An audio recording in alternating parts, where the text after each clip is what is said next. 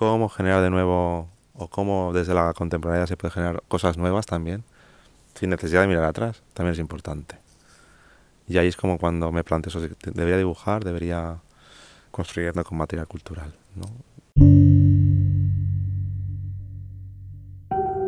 Fons. Obres de la col·lecció MACBA explicades pels artistes. Francesc Ruiz. Me he dejado llevar siempre por unas sensaciones que tienen que ver con cierta poética del caminar, ¿vale? Esa poética del caminar, un momento inicial que coincide con, entre otras cosas, pues cuando decido ser artista, que coincide con otras cosas, coincide con descubrir el cómic, coincide con, con muchas cosas, pero en ese momento también estaba caminando en la ciudad. Y caminar en la ciudad para mí, hubo un momento que también escribía poesía, estaba muy vinculado al caminar a escribir, lo veía como una cosa como muy, el caminar como generaba un, estado especial, y ese estado especial pues tenía que ver con, con la creación. Y fue entonces cuando empecé a fijarme en edificios, en arquitectura, esa arquitectura se formalizaba en la sala en, forma de, maquetas modificadas, siempre había esa modificación, ese mezclar dos edificios, a lo mejor que en apariencia eran que tendrían algo que ver. esa manera de, entender la ciudad con mucha plasticidad o de una manera como muy maleable, pues siempre la, la, he llevado a cabo. Eso acabó, esa especie de cosa que tiene que ver con el panóptico, vinculado a la ciudad, acabó convergiendo en un dibujo enorme que se llamó el Corte Inglés y el Hotel Barcelona Sands, que no deja de ser también una máquina escópica, en el sentido de que es el edificio propio sin la fachada, de manera que tú puedes ver, es otro panóptico, puedes ver absolutamente todo lo que sucede ahí. Y de ahí pues se fue la, fue la cosa como creciendo y de esas visiones de edificios desnudos o de zonas de la ciudad, desde el punto aéreo que, abarcaban o desnudaban zonas concretas, pasé al cómic de una manera natural, porque pensé que estaba tan relacionado el cómic con la ciudad, con el caminar, con el asomarse a las ventanas, a las viñetas, o lo que fuera, que fue el paso siguiente. Pues las dos obras que están ahora mismo en la colección del MACBA salen de, de una invitación del, de Mia Jankovic, que en ese momento era la directora del Contemporary Image Collective de El Cairo, a hacer una residencia y a inaugurar eh, digamos, el nuevo programa de exposiciones que ella empezaba ella conocía mi trabajo con estas distribuciones tangenciales eh, que hago, o anómalas que hago con el cómic. ¿no? Ella le interesó mucho esta idea y me invitó a desarrollar algo parecido de ahí en, el Cairo. Desde un principio conté con, la ayuda de, otro artista que, digamos, era quien me estaba introduciendo en la propia ciudad y en la propia, cultura y un poco bueno, hablábamos de, mis intereses, de los suyos y a partir de ahí, pues nada, un poco fuimos definiendo lo que sería el proyecto a, medida que se iba conformando la residencia. Fue una especie de trabajo en equipo porque, claro, en un contexto tan diferente, con un idioma que no controlas como es eh, el Cairo, pues fue necesario. Como todas las residencias o todos los trabajos que hago de investigación, eh, hay, una, hay una fase de investigación siempre primero, en la que pues eso, me pongo en contacto con cierta gente, hay unos informadores y bueno, me lanzo a la calle a conocer un poco el, lugar y pues si dispongo con ayuda, como es como en este caso, pues mucho mejor. Enseguida lo que hice fue descubrir que había una, una historia del cómic propia de, de Egipto, una historia del cómic árabe, algo que desconocía absolutamente. Esto lo descubrí a partir de entrevistas con, la escena artística es muy pequeña del Cairo, todo el mundo se conoce. Y cuando hablo de escena artística eh, es una escena cultural, entre que la gente de, de, artes plásticas conoce a la gente de cómic, que conoce a la gente de teatro, que conoce a la gente de danza. Fue muy fácil contactar con, con gente experta, con informadores. Y luego también fue muy fácil introducirse en los canales de distribución de la propia ciudad, que no son muchos, eh, desde mercadillos de segunda mano. Ahí podías tener acceso a todo el cómic publicado en el mundo árabe bueno, que había llegado allí, hasta pues eso, librerías especializadas, librerías francesas, institutos, bueno, es como el, universidades la Universidad Americana, por ejemplo, que es otro lugar de pues, encontrar información. A partir de todo ese material, toda esa investigación, esa investigación en el terreno, no puedo decir que hiciera un vaciado de biblioteca, sino era un poco ir pescando de aquí y allí, encontrando en una librería una cosa que había solo un ejemplar, la distribución no es una cosa que funcione mucho en el mundo, en Egipto al concreto, cuando se, agota un libro se agota, no todos los libros llegan a las bibliotecas. Yo siempre confío mucho del mercado de segunda mano, de los rastros, de todo esto, porque son la cultura popular, como siempre digo, no, no, no está catalogada no están bibliotecas. Entonces tienes que ir a, a, coleccionistas que tienen su gusto particular y no coleccionan todo, o escaparte ahora hoy en día a internet o a lugares así donde están gente está como de una manera bastante obsesiva está lo catalogando o directamente salir al, al, al rastro, al, además, al mercado de segunda mano. A partir del material que fui recopilando durante en ese espacio de tiempo y las entrevistas que tuve con diferentes agentes, me pude ir haciendo un poco a la idea de lo que era la historia del cómic egipcio y la historia del cómic árabe. Toda esa información quería, en cierta manera, organizarla y con ella hacer un poco, eh, responder al, al, encargo que se me había hecho. Con toda esa información quería hacer un cómic por entregas que se vinculara a la ciudad del Cairo, pero que hablara de la historia del el cómic egipcio a la vez. De toda la información acabé haciendo como preguntando a mucha gente, preguntando cuáles eran su, su propia, la idea que ellos tenían de, del cómic árabe, a todo tipo de personas, la idea que tenían del cómic egipcio. Y entonces a partir de toda la información pude hacer, como resumir esa historia en cuatro personajes. Cuatro personajes que consideraba que eran, desde mi punto de vista, súper importantes para explicar esa historia del cómic egipcio, pero que a la vez servían para definir un poco lo que era la, historia reciente de la historia moderna de Egipto. Esos personajes son, en primer lugar, Tintín, no solo porque se tradujera Tintín al árabe y se publicara en Egipto, sino porque había incluso una revista en los años 70 que se llamaba Tintín y que se dedicaba a traducir al árabe pues todo lo que es la escuela franco-belga. A la vez Tintín, pues, ¿qué vamos a decir? Es como el, es la persona que un poco que bueno que recoge todo lo que es la pues eso el colonialismo ¿no? en, el, en el cómic y entonces eh, para mí significaba ese pasado colonial vinculado al Cairo y Egipto ¿vale? luego el otro personaje que me sorprendió muchísimo eh, era el pato Donald el pato Donald pues significaba pues toda la influencia de Estados Unidos en el área como mecanismo de control de cierta manera que es lo que pone paz en el Oriente Medio y esa influencia lleva mucho tiempo manejando, digamos, el, el destino de Egipto, pero a la vez, bueno, el Pato Donald, como en tanto revista, algo súper popular en Egipto. Tan popular que en un momento dado, que no fue rentable seguir publicándolo y estuvo a punto de desaparecer, la primera dama, la mujer de Mubarak, inter intercedió y consiguió que siguiera publicándose con ayuda gubernamental, ¿vale? Que es una cosa bastante tremenda. Y el otro personaje era un personaje surgido después de la revolución de Nasser a partir de una revista infantil que no dejaba de ser propagandística. La revista era Samir. Samir era una revista en la que el personaje principal era Samir, un niño así como una apariencia de clase media, muy bueno, muy simpático. Salió después, justo después de la revolución de Nasser, creo que en el 56, empezó a publicarse y era un órgano de, propaganda para difundir ideas sobre eh, sobre la revolución pues eso, entre el sector uh, de la población más joven. El cuarto personaje, finalmente, es un personaje que tiene una apariencia de, momia, de esqueleto, y se llama eh, Ciudadano Machacado, sería traducción.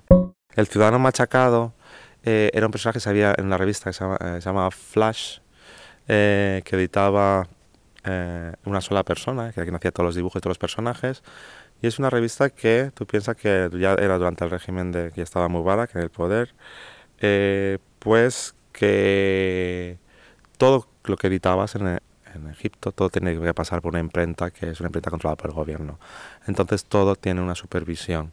Flash, aunque era, se editaba de manera independiente, tenía que pasar por la supervisión y sí, se publicó de una manera normal y continuada. Hasta que los contenidos empezaron a ser un poco críticos en una situación de, de, crisis, en una situación de pobreza. Por ejemplo, este personaje que es el Tribunal Machacado, de hecho no era ni una momia ni un esqueleto, sino era un funcionario, pero un funcionario que pasaba mucho hambre. Entonces, como no solo ese personaje, sino otros, pues fueron leídos en un momento dado como una crítica al régimen y la publicación que era Flash tuvo que dejar de publicarse y quien lo dibujaba tuvo que irse a Qatar a vivir. ¿vale? Bueno, yo pues cojo esos cuatro personajes, que además sí que simbolizan cuatro periodos.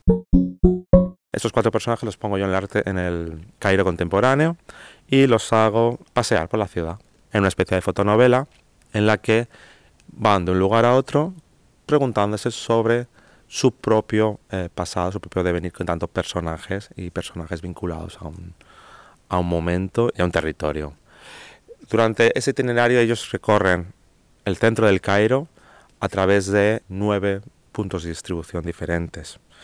El, itinerario se iniciaba en, el Contemporary Image Collective, que era donde estaba la exposición. De allí viajaba, pasaban por Talat Harvey Square, donde siempre hay un reloj parado. Se subían al reloj, eh, reflexionaban sobre el país. Está lleno de, pues eso, de, ciertas forzadas, simbologías bastante forzadas que te hacen pensar pues en lo que yo iba recibiendo sobre la, que la gente pensaba sobre el país. ¿Qué pasa con Tahrir Square? Tahrir Square, todo el mundo me decía, Tahrir Square solo se puede atravesar a través de unos subterráneos. Tahrir Square es una plaza que siempre ha estado eh, masificada, atravesada por unas, unas grandes autopistas. No es un lugar habitable, digamos. Si quieres cruzar Tahrir Square, tienes que ir a través de toda una red de subterráneos que está hecha, pensada para, en caso de revuelta, se pueda controlar a las multitudes a través de esos subterráneos. ¿vale? Siempre había manifestaciones en aquel momento en el que estuve, ya había como bastantes manifestaciones. Yo creo que se, podían, se permitían sino un máximo de 100 personas o 50 personas, pero siempre había manifestaciones cuando estuve allí. También había, de repente pasaban coches negros con cristales tintados todo el rato, que imagino que era para ir llevando a los senadores, al presidente o a quien fuera. En un momento dado de la historia, eh, él, mientras él está esperando y le apetece mucho comer un McDonald's y no sabe por qué, una hamburguesa, aparece un coche negro de estos y detrás de él toda una multitud igual que él, como ciudadano machacado, diciendo ciudadano machacado, ciudadano machacado, ciudadano machacado. Es como un inicio de revuelta que se produce ahí, eh, en el dibujo este, pero que viene directamente reprimido por otra multitud exactamente igual, vestida de negro, como están los policías allí, que grita, y con unos, unos palos, que grita ciudadano machacado, ciudadano machacado, ciudadano machacado. Un poco es el ciudadano machacado desde un punto de vista, el ciudadano que es machacado, pero que va a machacar al otro, que en el fondo son lo mismo. De hecho, todo el cómic está lleno de referencias que sí que enlazan a, a, a, a cosas que estaban sucediendo en ese momento y que de cierta manera eh, estaban por lo que pasó luego, todo, todo lo que pasó fueron tres meses, o sea, la revolución sucedió tres meses después, en cierta manera sí que estaba recogiendo un momento, pues por lo que no es algo que yo tampoco buscara ni, ni nada, sino sencillamente luego me dijeron, pues mira que realmente sí que reflejaba ciertos aspectos de lo que iba a suceder. ¿no? La gente hablaba de revolución, desde luego, que la única manera de salir del régimen era a través de la revolución. Pero bueno, a veces las imágenes tienen ese poder evocador y donde los significados que tú inicialmente puedes otorgar a una situación, luego con los sucesos que puedan acaecer, se con, acaba de connotar. ¿no? Y eso en el cómic sucede varias veces. El kiosco es la segunda, la otra pieza, que se llama Cairo Newsstand. Fue un, un kiosco pues un poco... La manera en que se realizó fue algo así como bastante, un poco diferente, como había hecho los anteriores, que eran, surgían más a partir de, de yo generando un imaginario concreto a partir de una experiencia vivida en una ciudad concreta.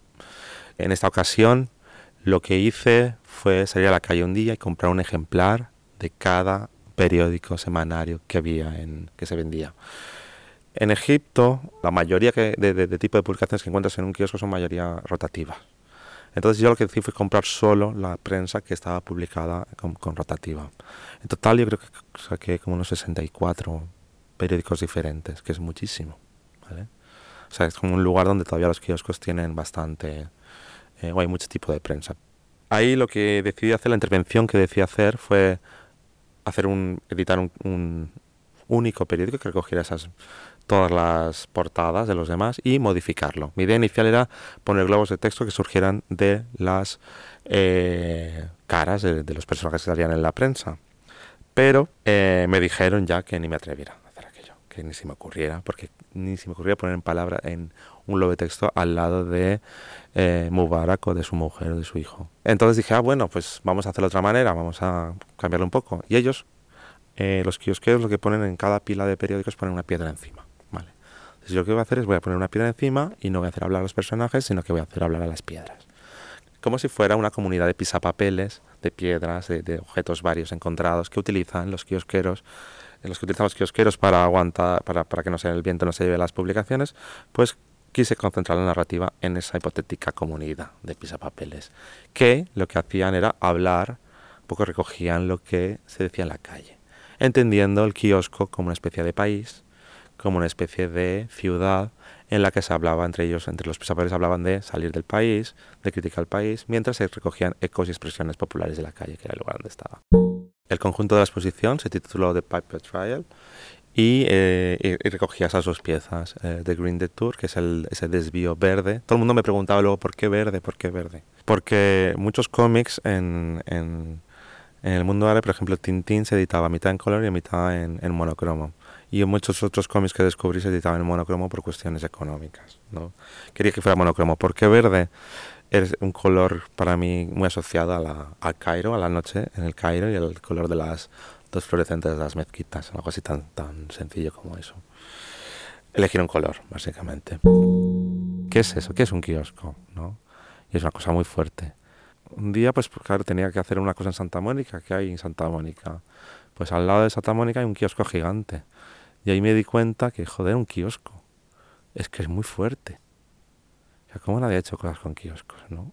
Entonces, como dije, esto es que es muy fuerte. Es una ciudad con todo de cabecitas.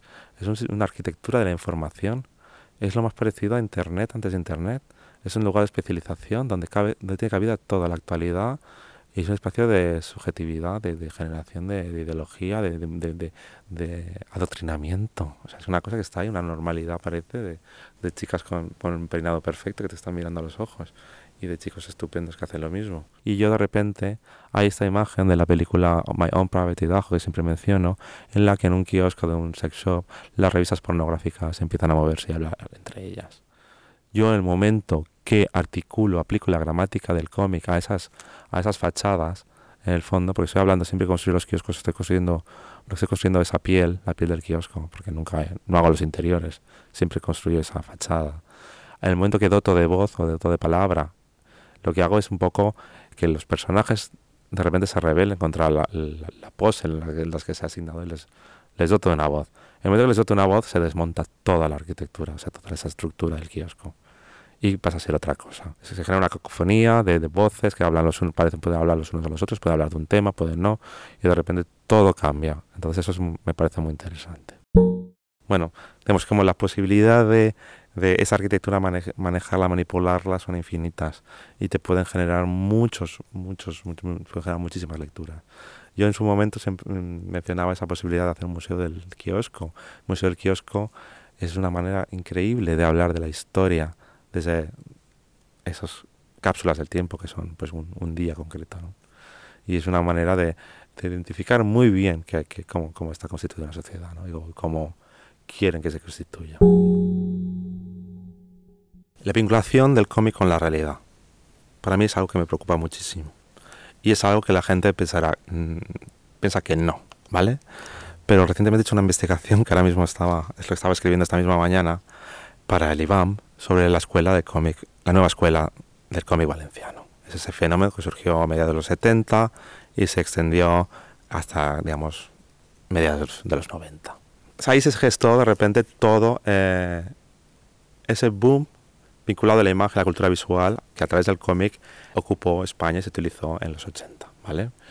Se editaron muchas revistas, se editaron el cómic eh, impregnó muchas áreas de la sociedad. Ahí, haciendo esa investigación, he descubierto cómo el cómic ocupó el espacio del ocio. En Valencia, por ejemplo, el primer bar de diseño casi de España, una cosa mítica, ¿a quién se le encarga? A Mariscal, un dibujante de cómics. El boom del bar de diseño en España fue una cosa brutal sea, no solo es la discoteca de diseño, todo el club de, es el ocio que necesita de, pues eso, de, capital simbólico continuamente, porque vender copas y poner música en el fondo es siempre lo mismo, es un negocio, necesitas connotarlo con vanguardia, modernidad, lo que tú quieras, ¿no? El cómic dotó de contenido en Valencia, pero no solo en Valencia, en Barcelona también sucedió eso. El logo de Celeste, ¿quién lo hizo? Mariscal. El cómic de repente en ese momento se vinculó a la realidad. El caso más paradigmático es, hay otros, ¿eh? pero es Mariscal como un personaje que hacía cómics, que underground, acaba construyendo imagen de marca de una ciudad. Barcelona. Es un comiquero que lo hacía. Pero es que además acaba haciendo el COVID. No me digas que eso no es construir ciudad de esta manera, ¿no?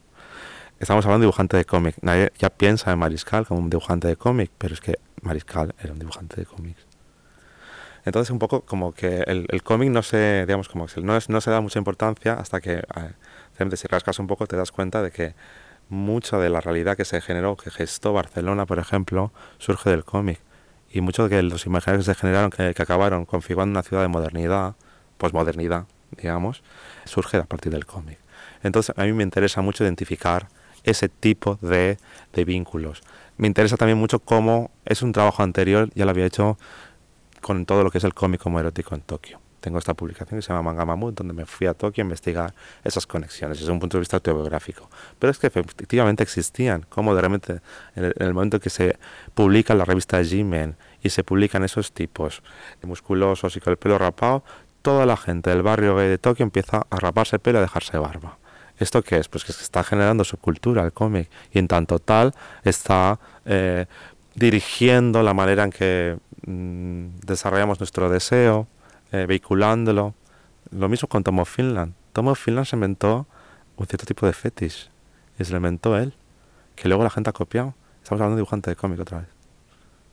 Bueno, me interesa mucho eso bueno, me, me, he liado y estoy como desarrollando cierto activismo alrededor del cómic, desde diferentes puntos de vista. Por un lado, defendiendo un espacio dentro del cómic en el que no es necesario saber dibujar, en el que hoy en día hay ciertas mm, herramientas que, que no, no, son neces no es necesario.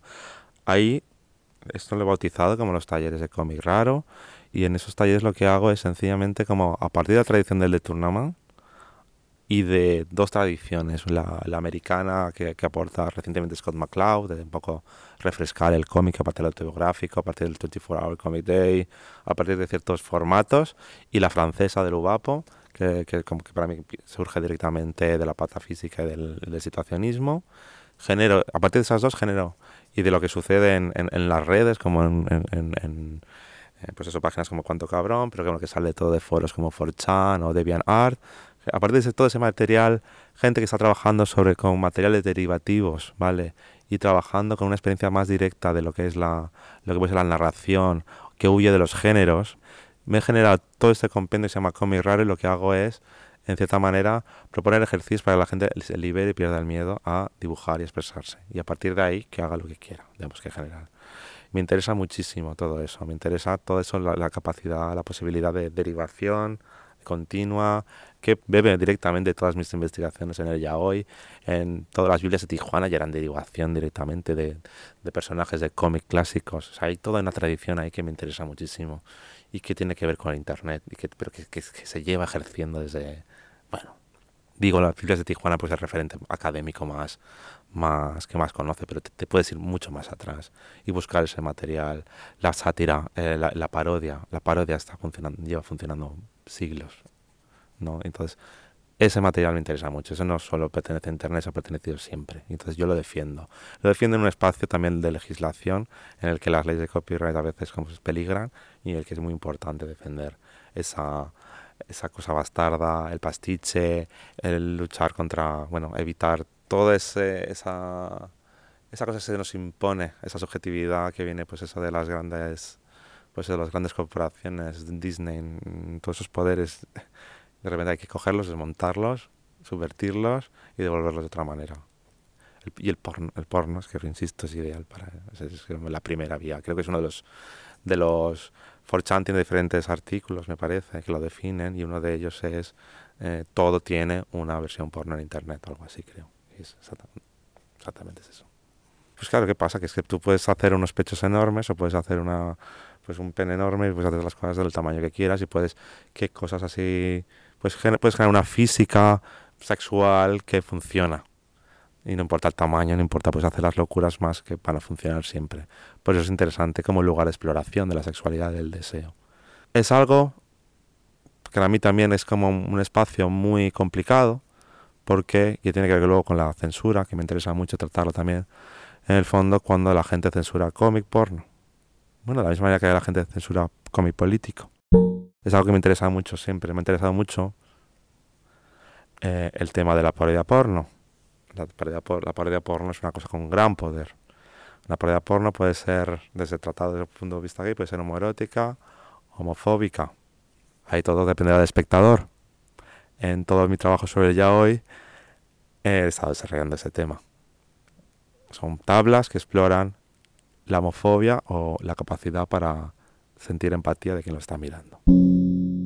Pues hemos montado con un grupo de gente, iniciamos, lo iniciamos con Efren Álvarez, el grupo de dibujo radical, en el que intentamos todas esas estrategias que antes mencionaba, pues activarlas en lo real, como generar, ciertos cambios y, realmente bueno, a pesar de la dificultad de reunirse, de encontrar los tiempos, surgieron cosas muy interesantes como para tratar, pues eso, eh, estuvimos como haciendo algunas cosas en contra de la ley Gallardón que, se, que iba a surgir, o planteamiento, o generando, repensando lo que era la Declaración Universal de los Derechos Humanos, o nos empezamos a, generar unas ciertas unas guías de, de, sexo seguro, pero generadas de manera colectiva, de manera que descubrimos que pensábamos que sabíamos mucho y no sabíamos tanto sobre el sexo seguro cuando coges un libro sobre historia del cómic, te habla de cómic americano o te, habla de cómic franco-belga.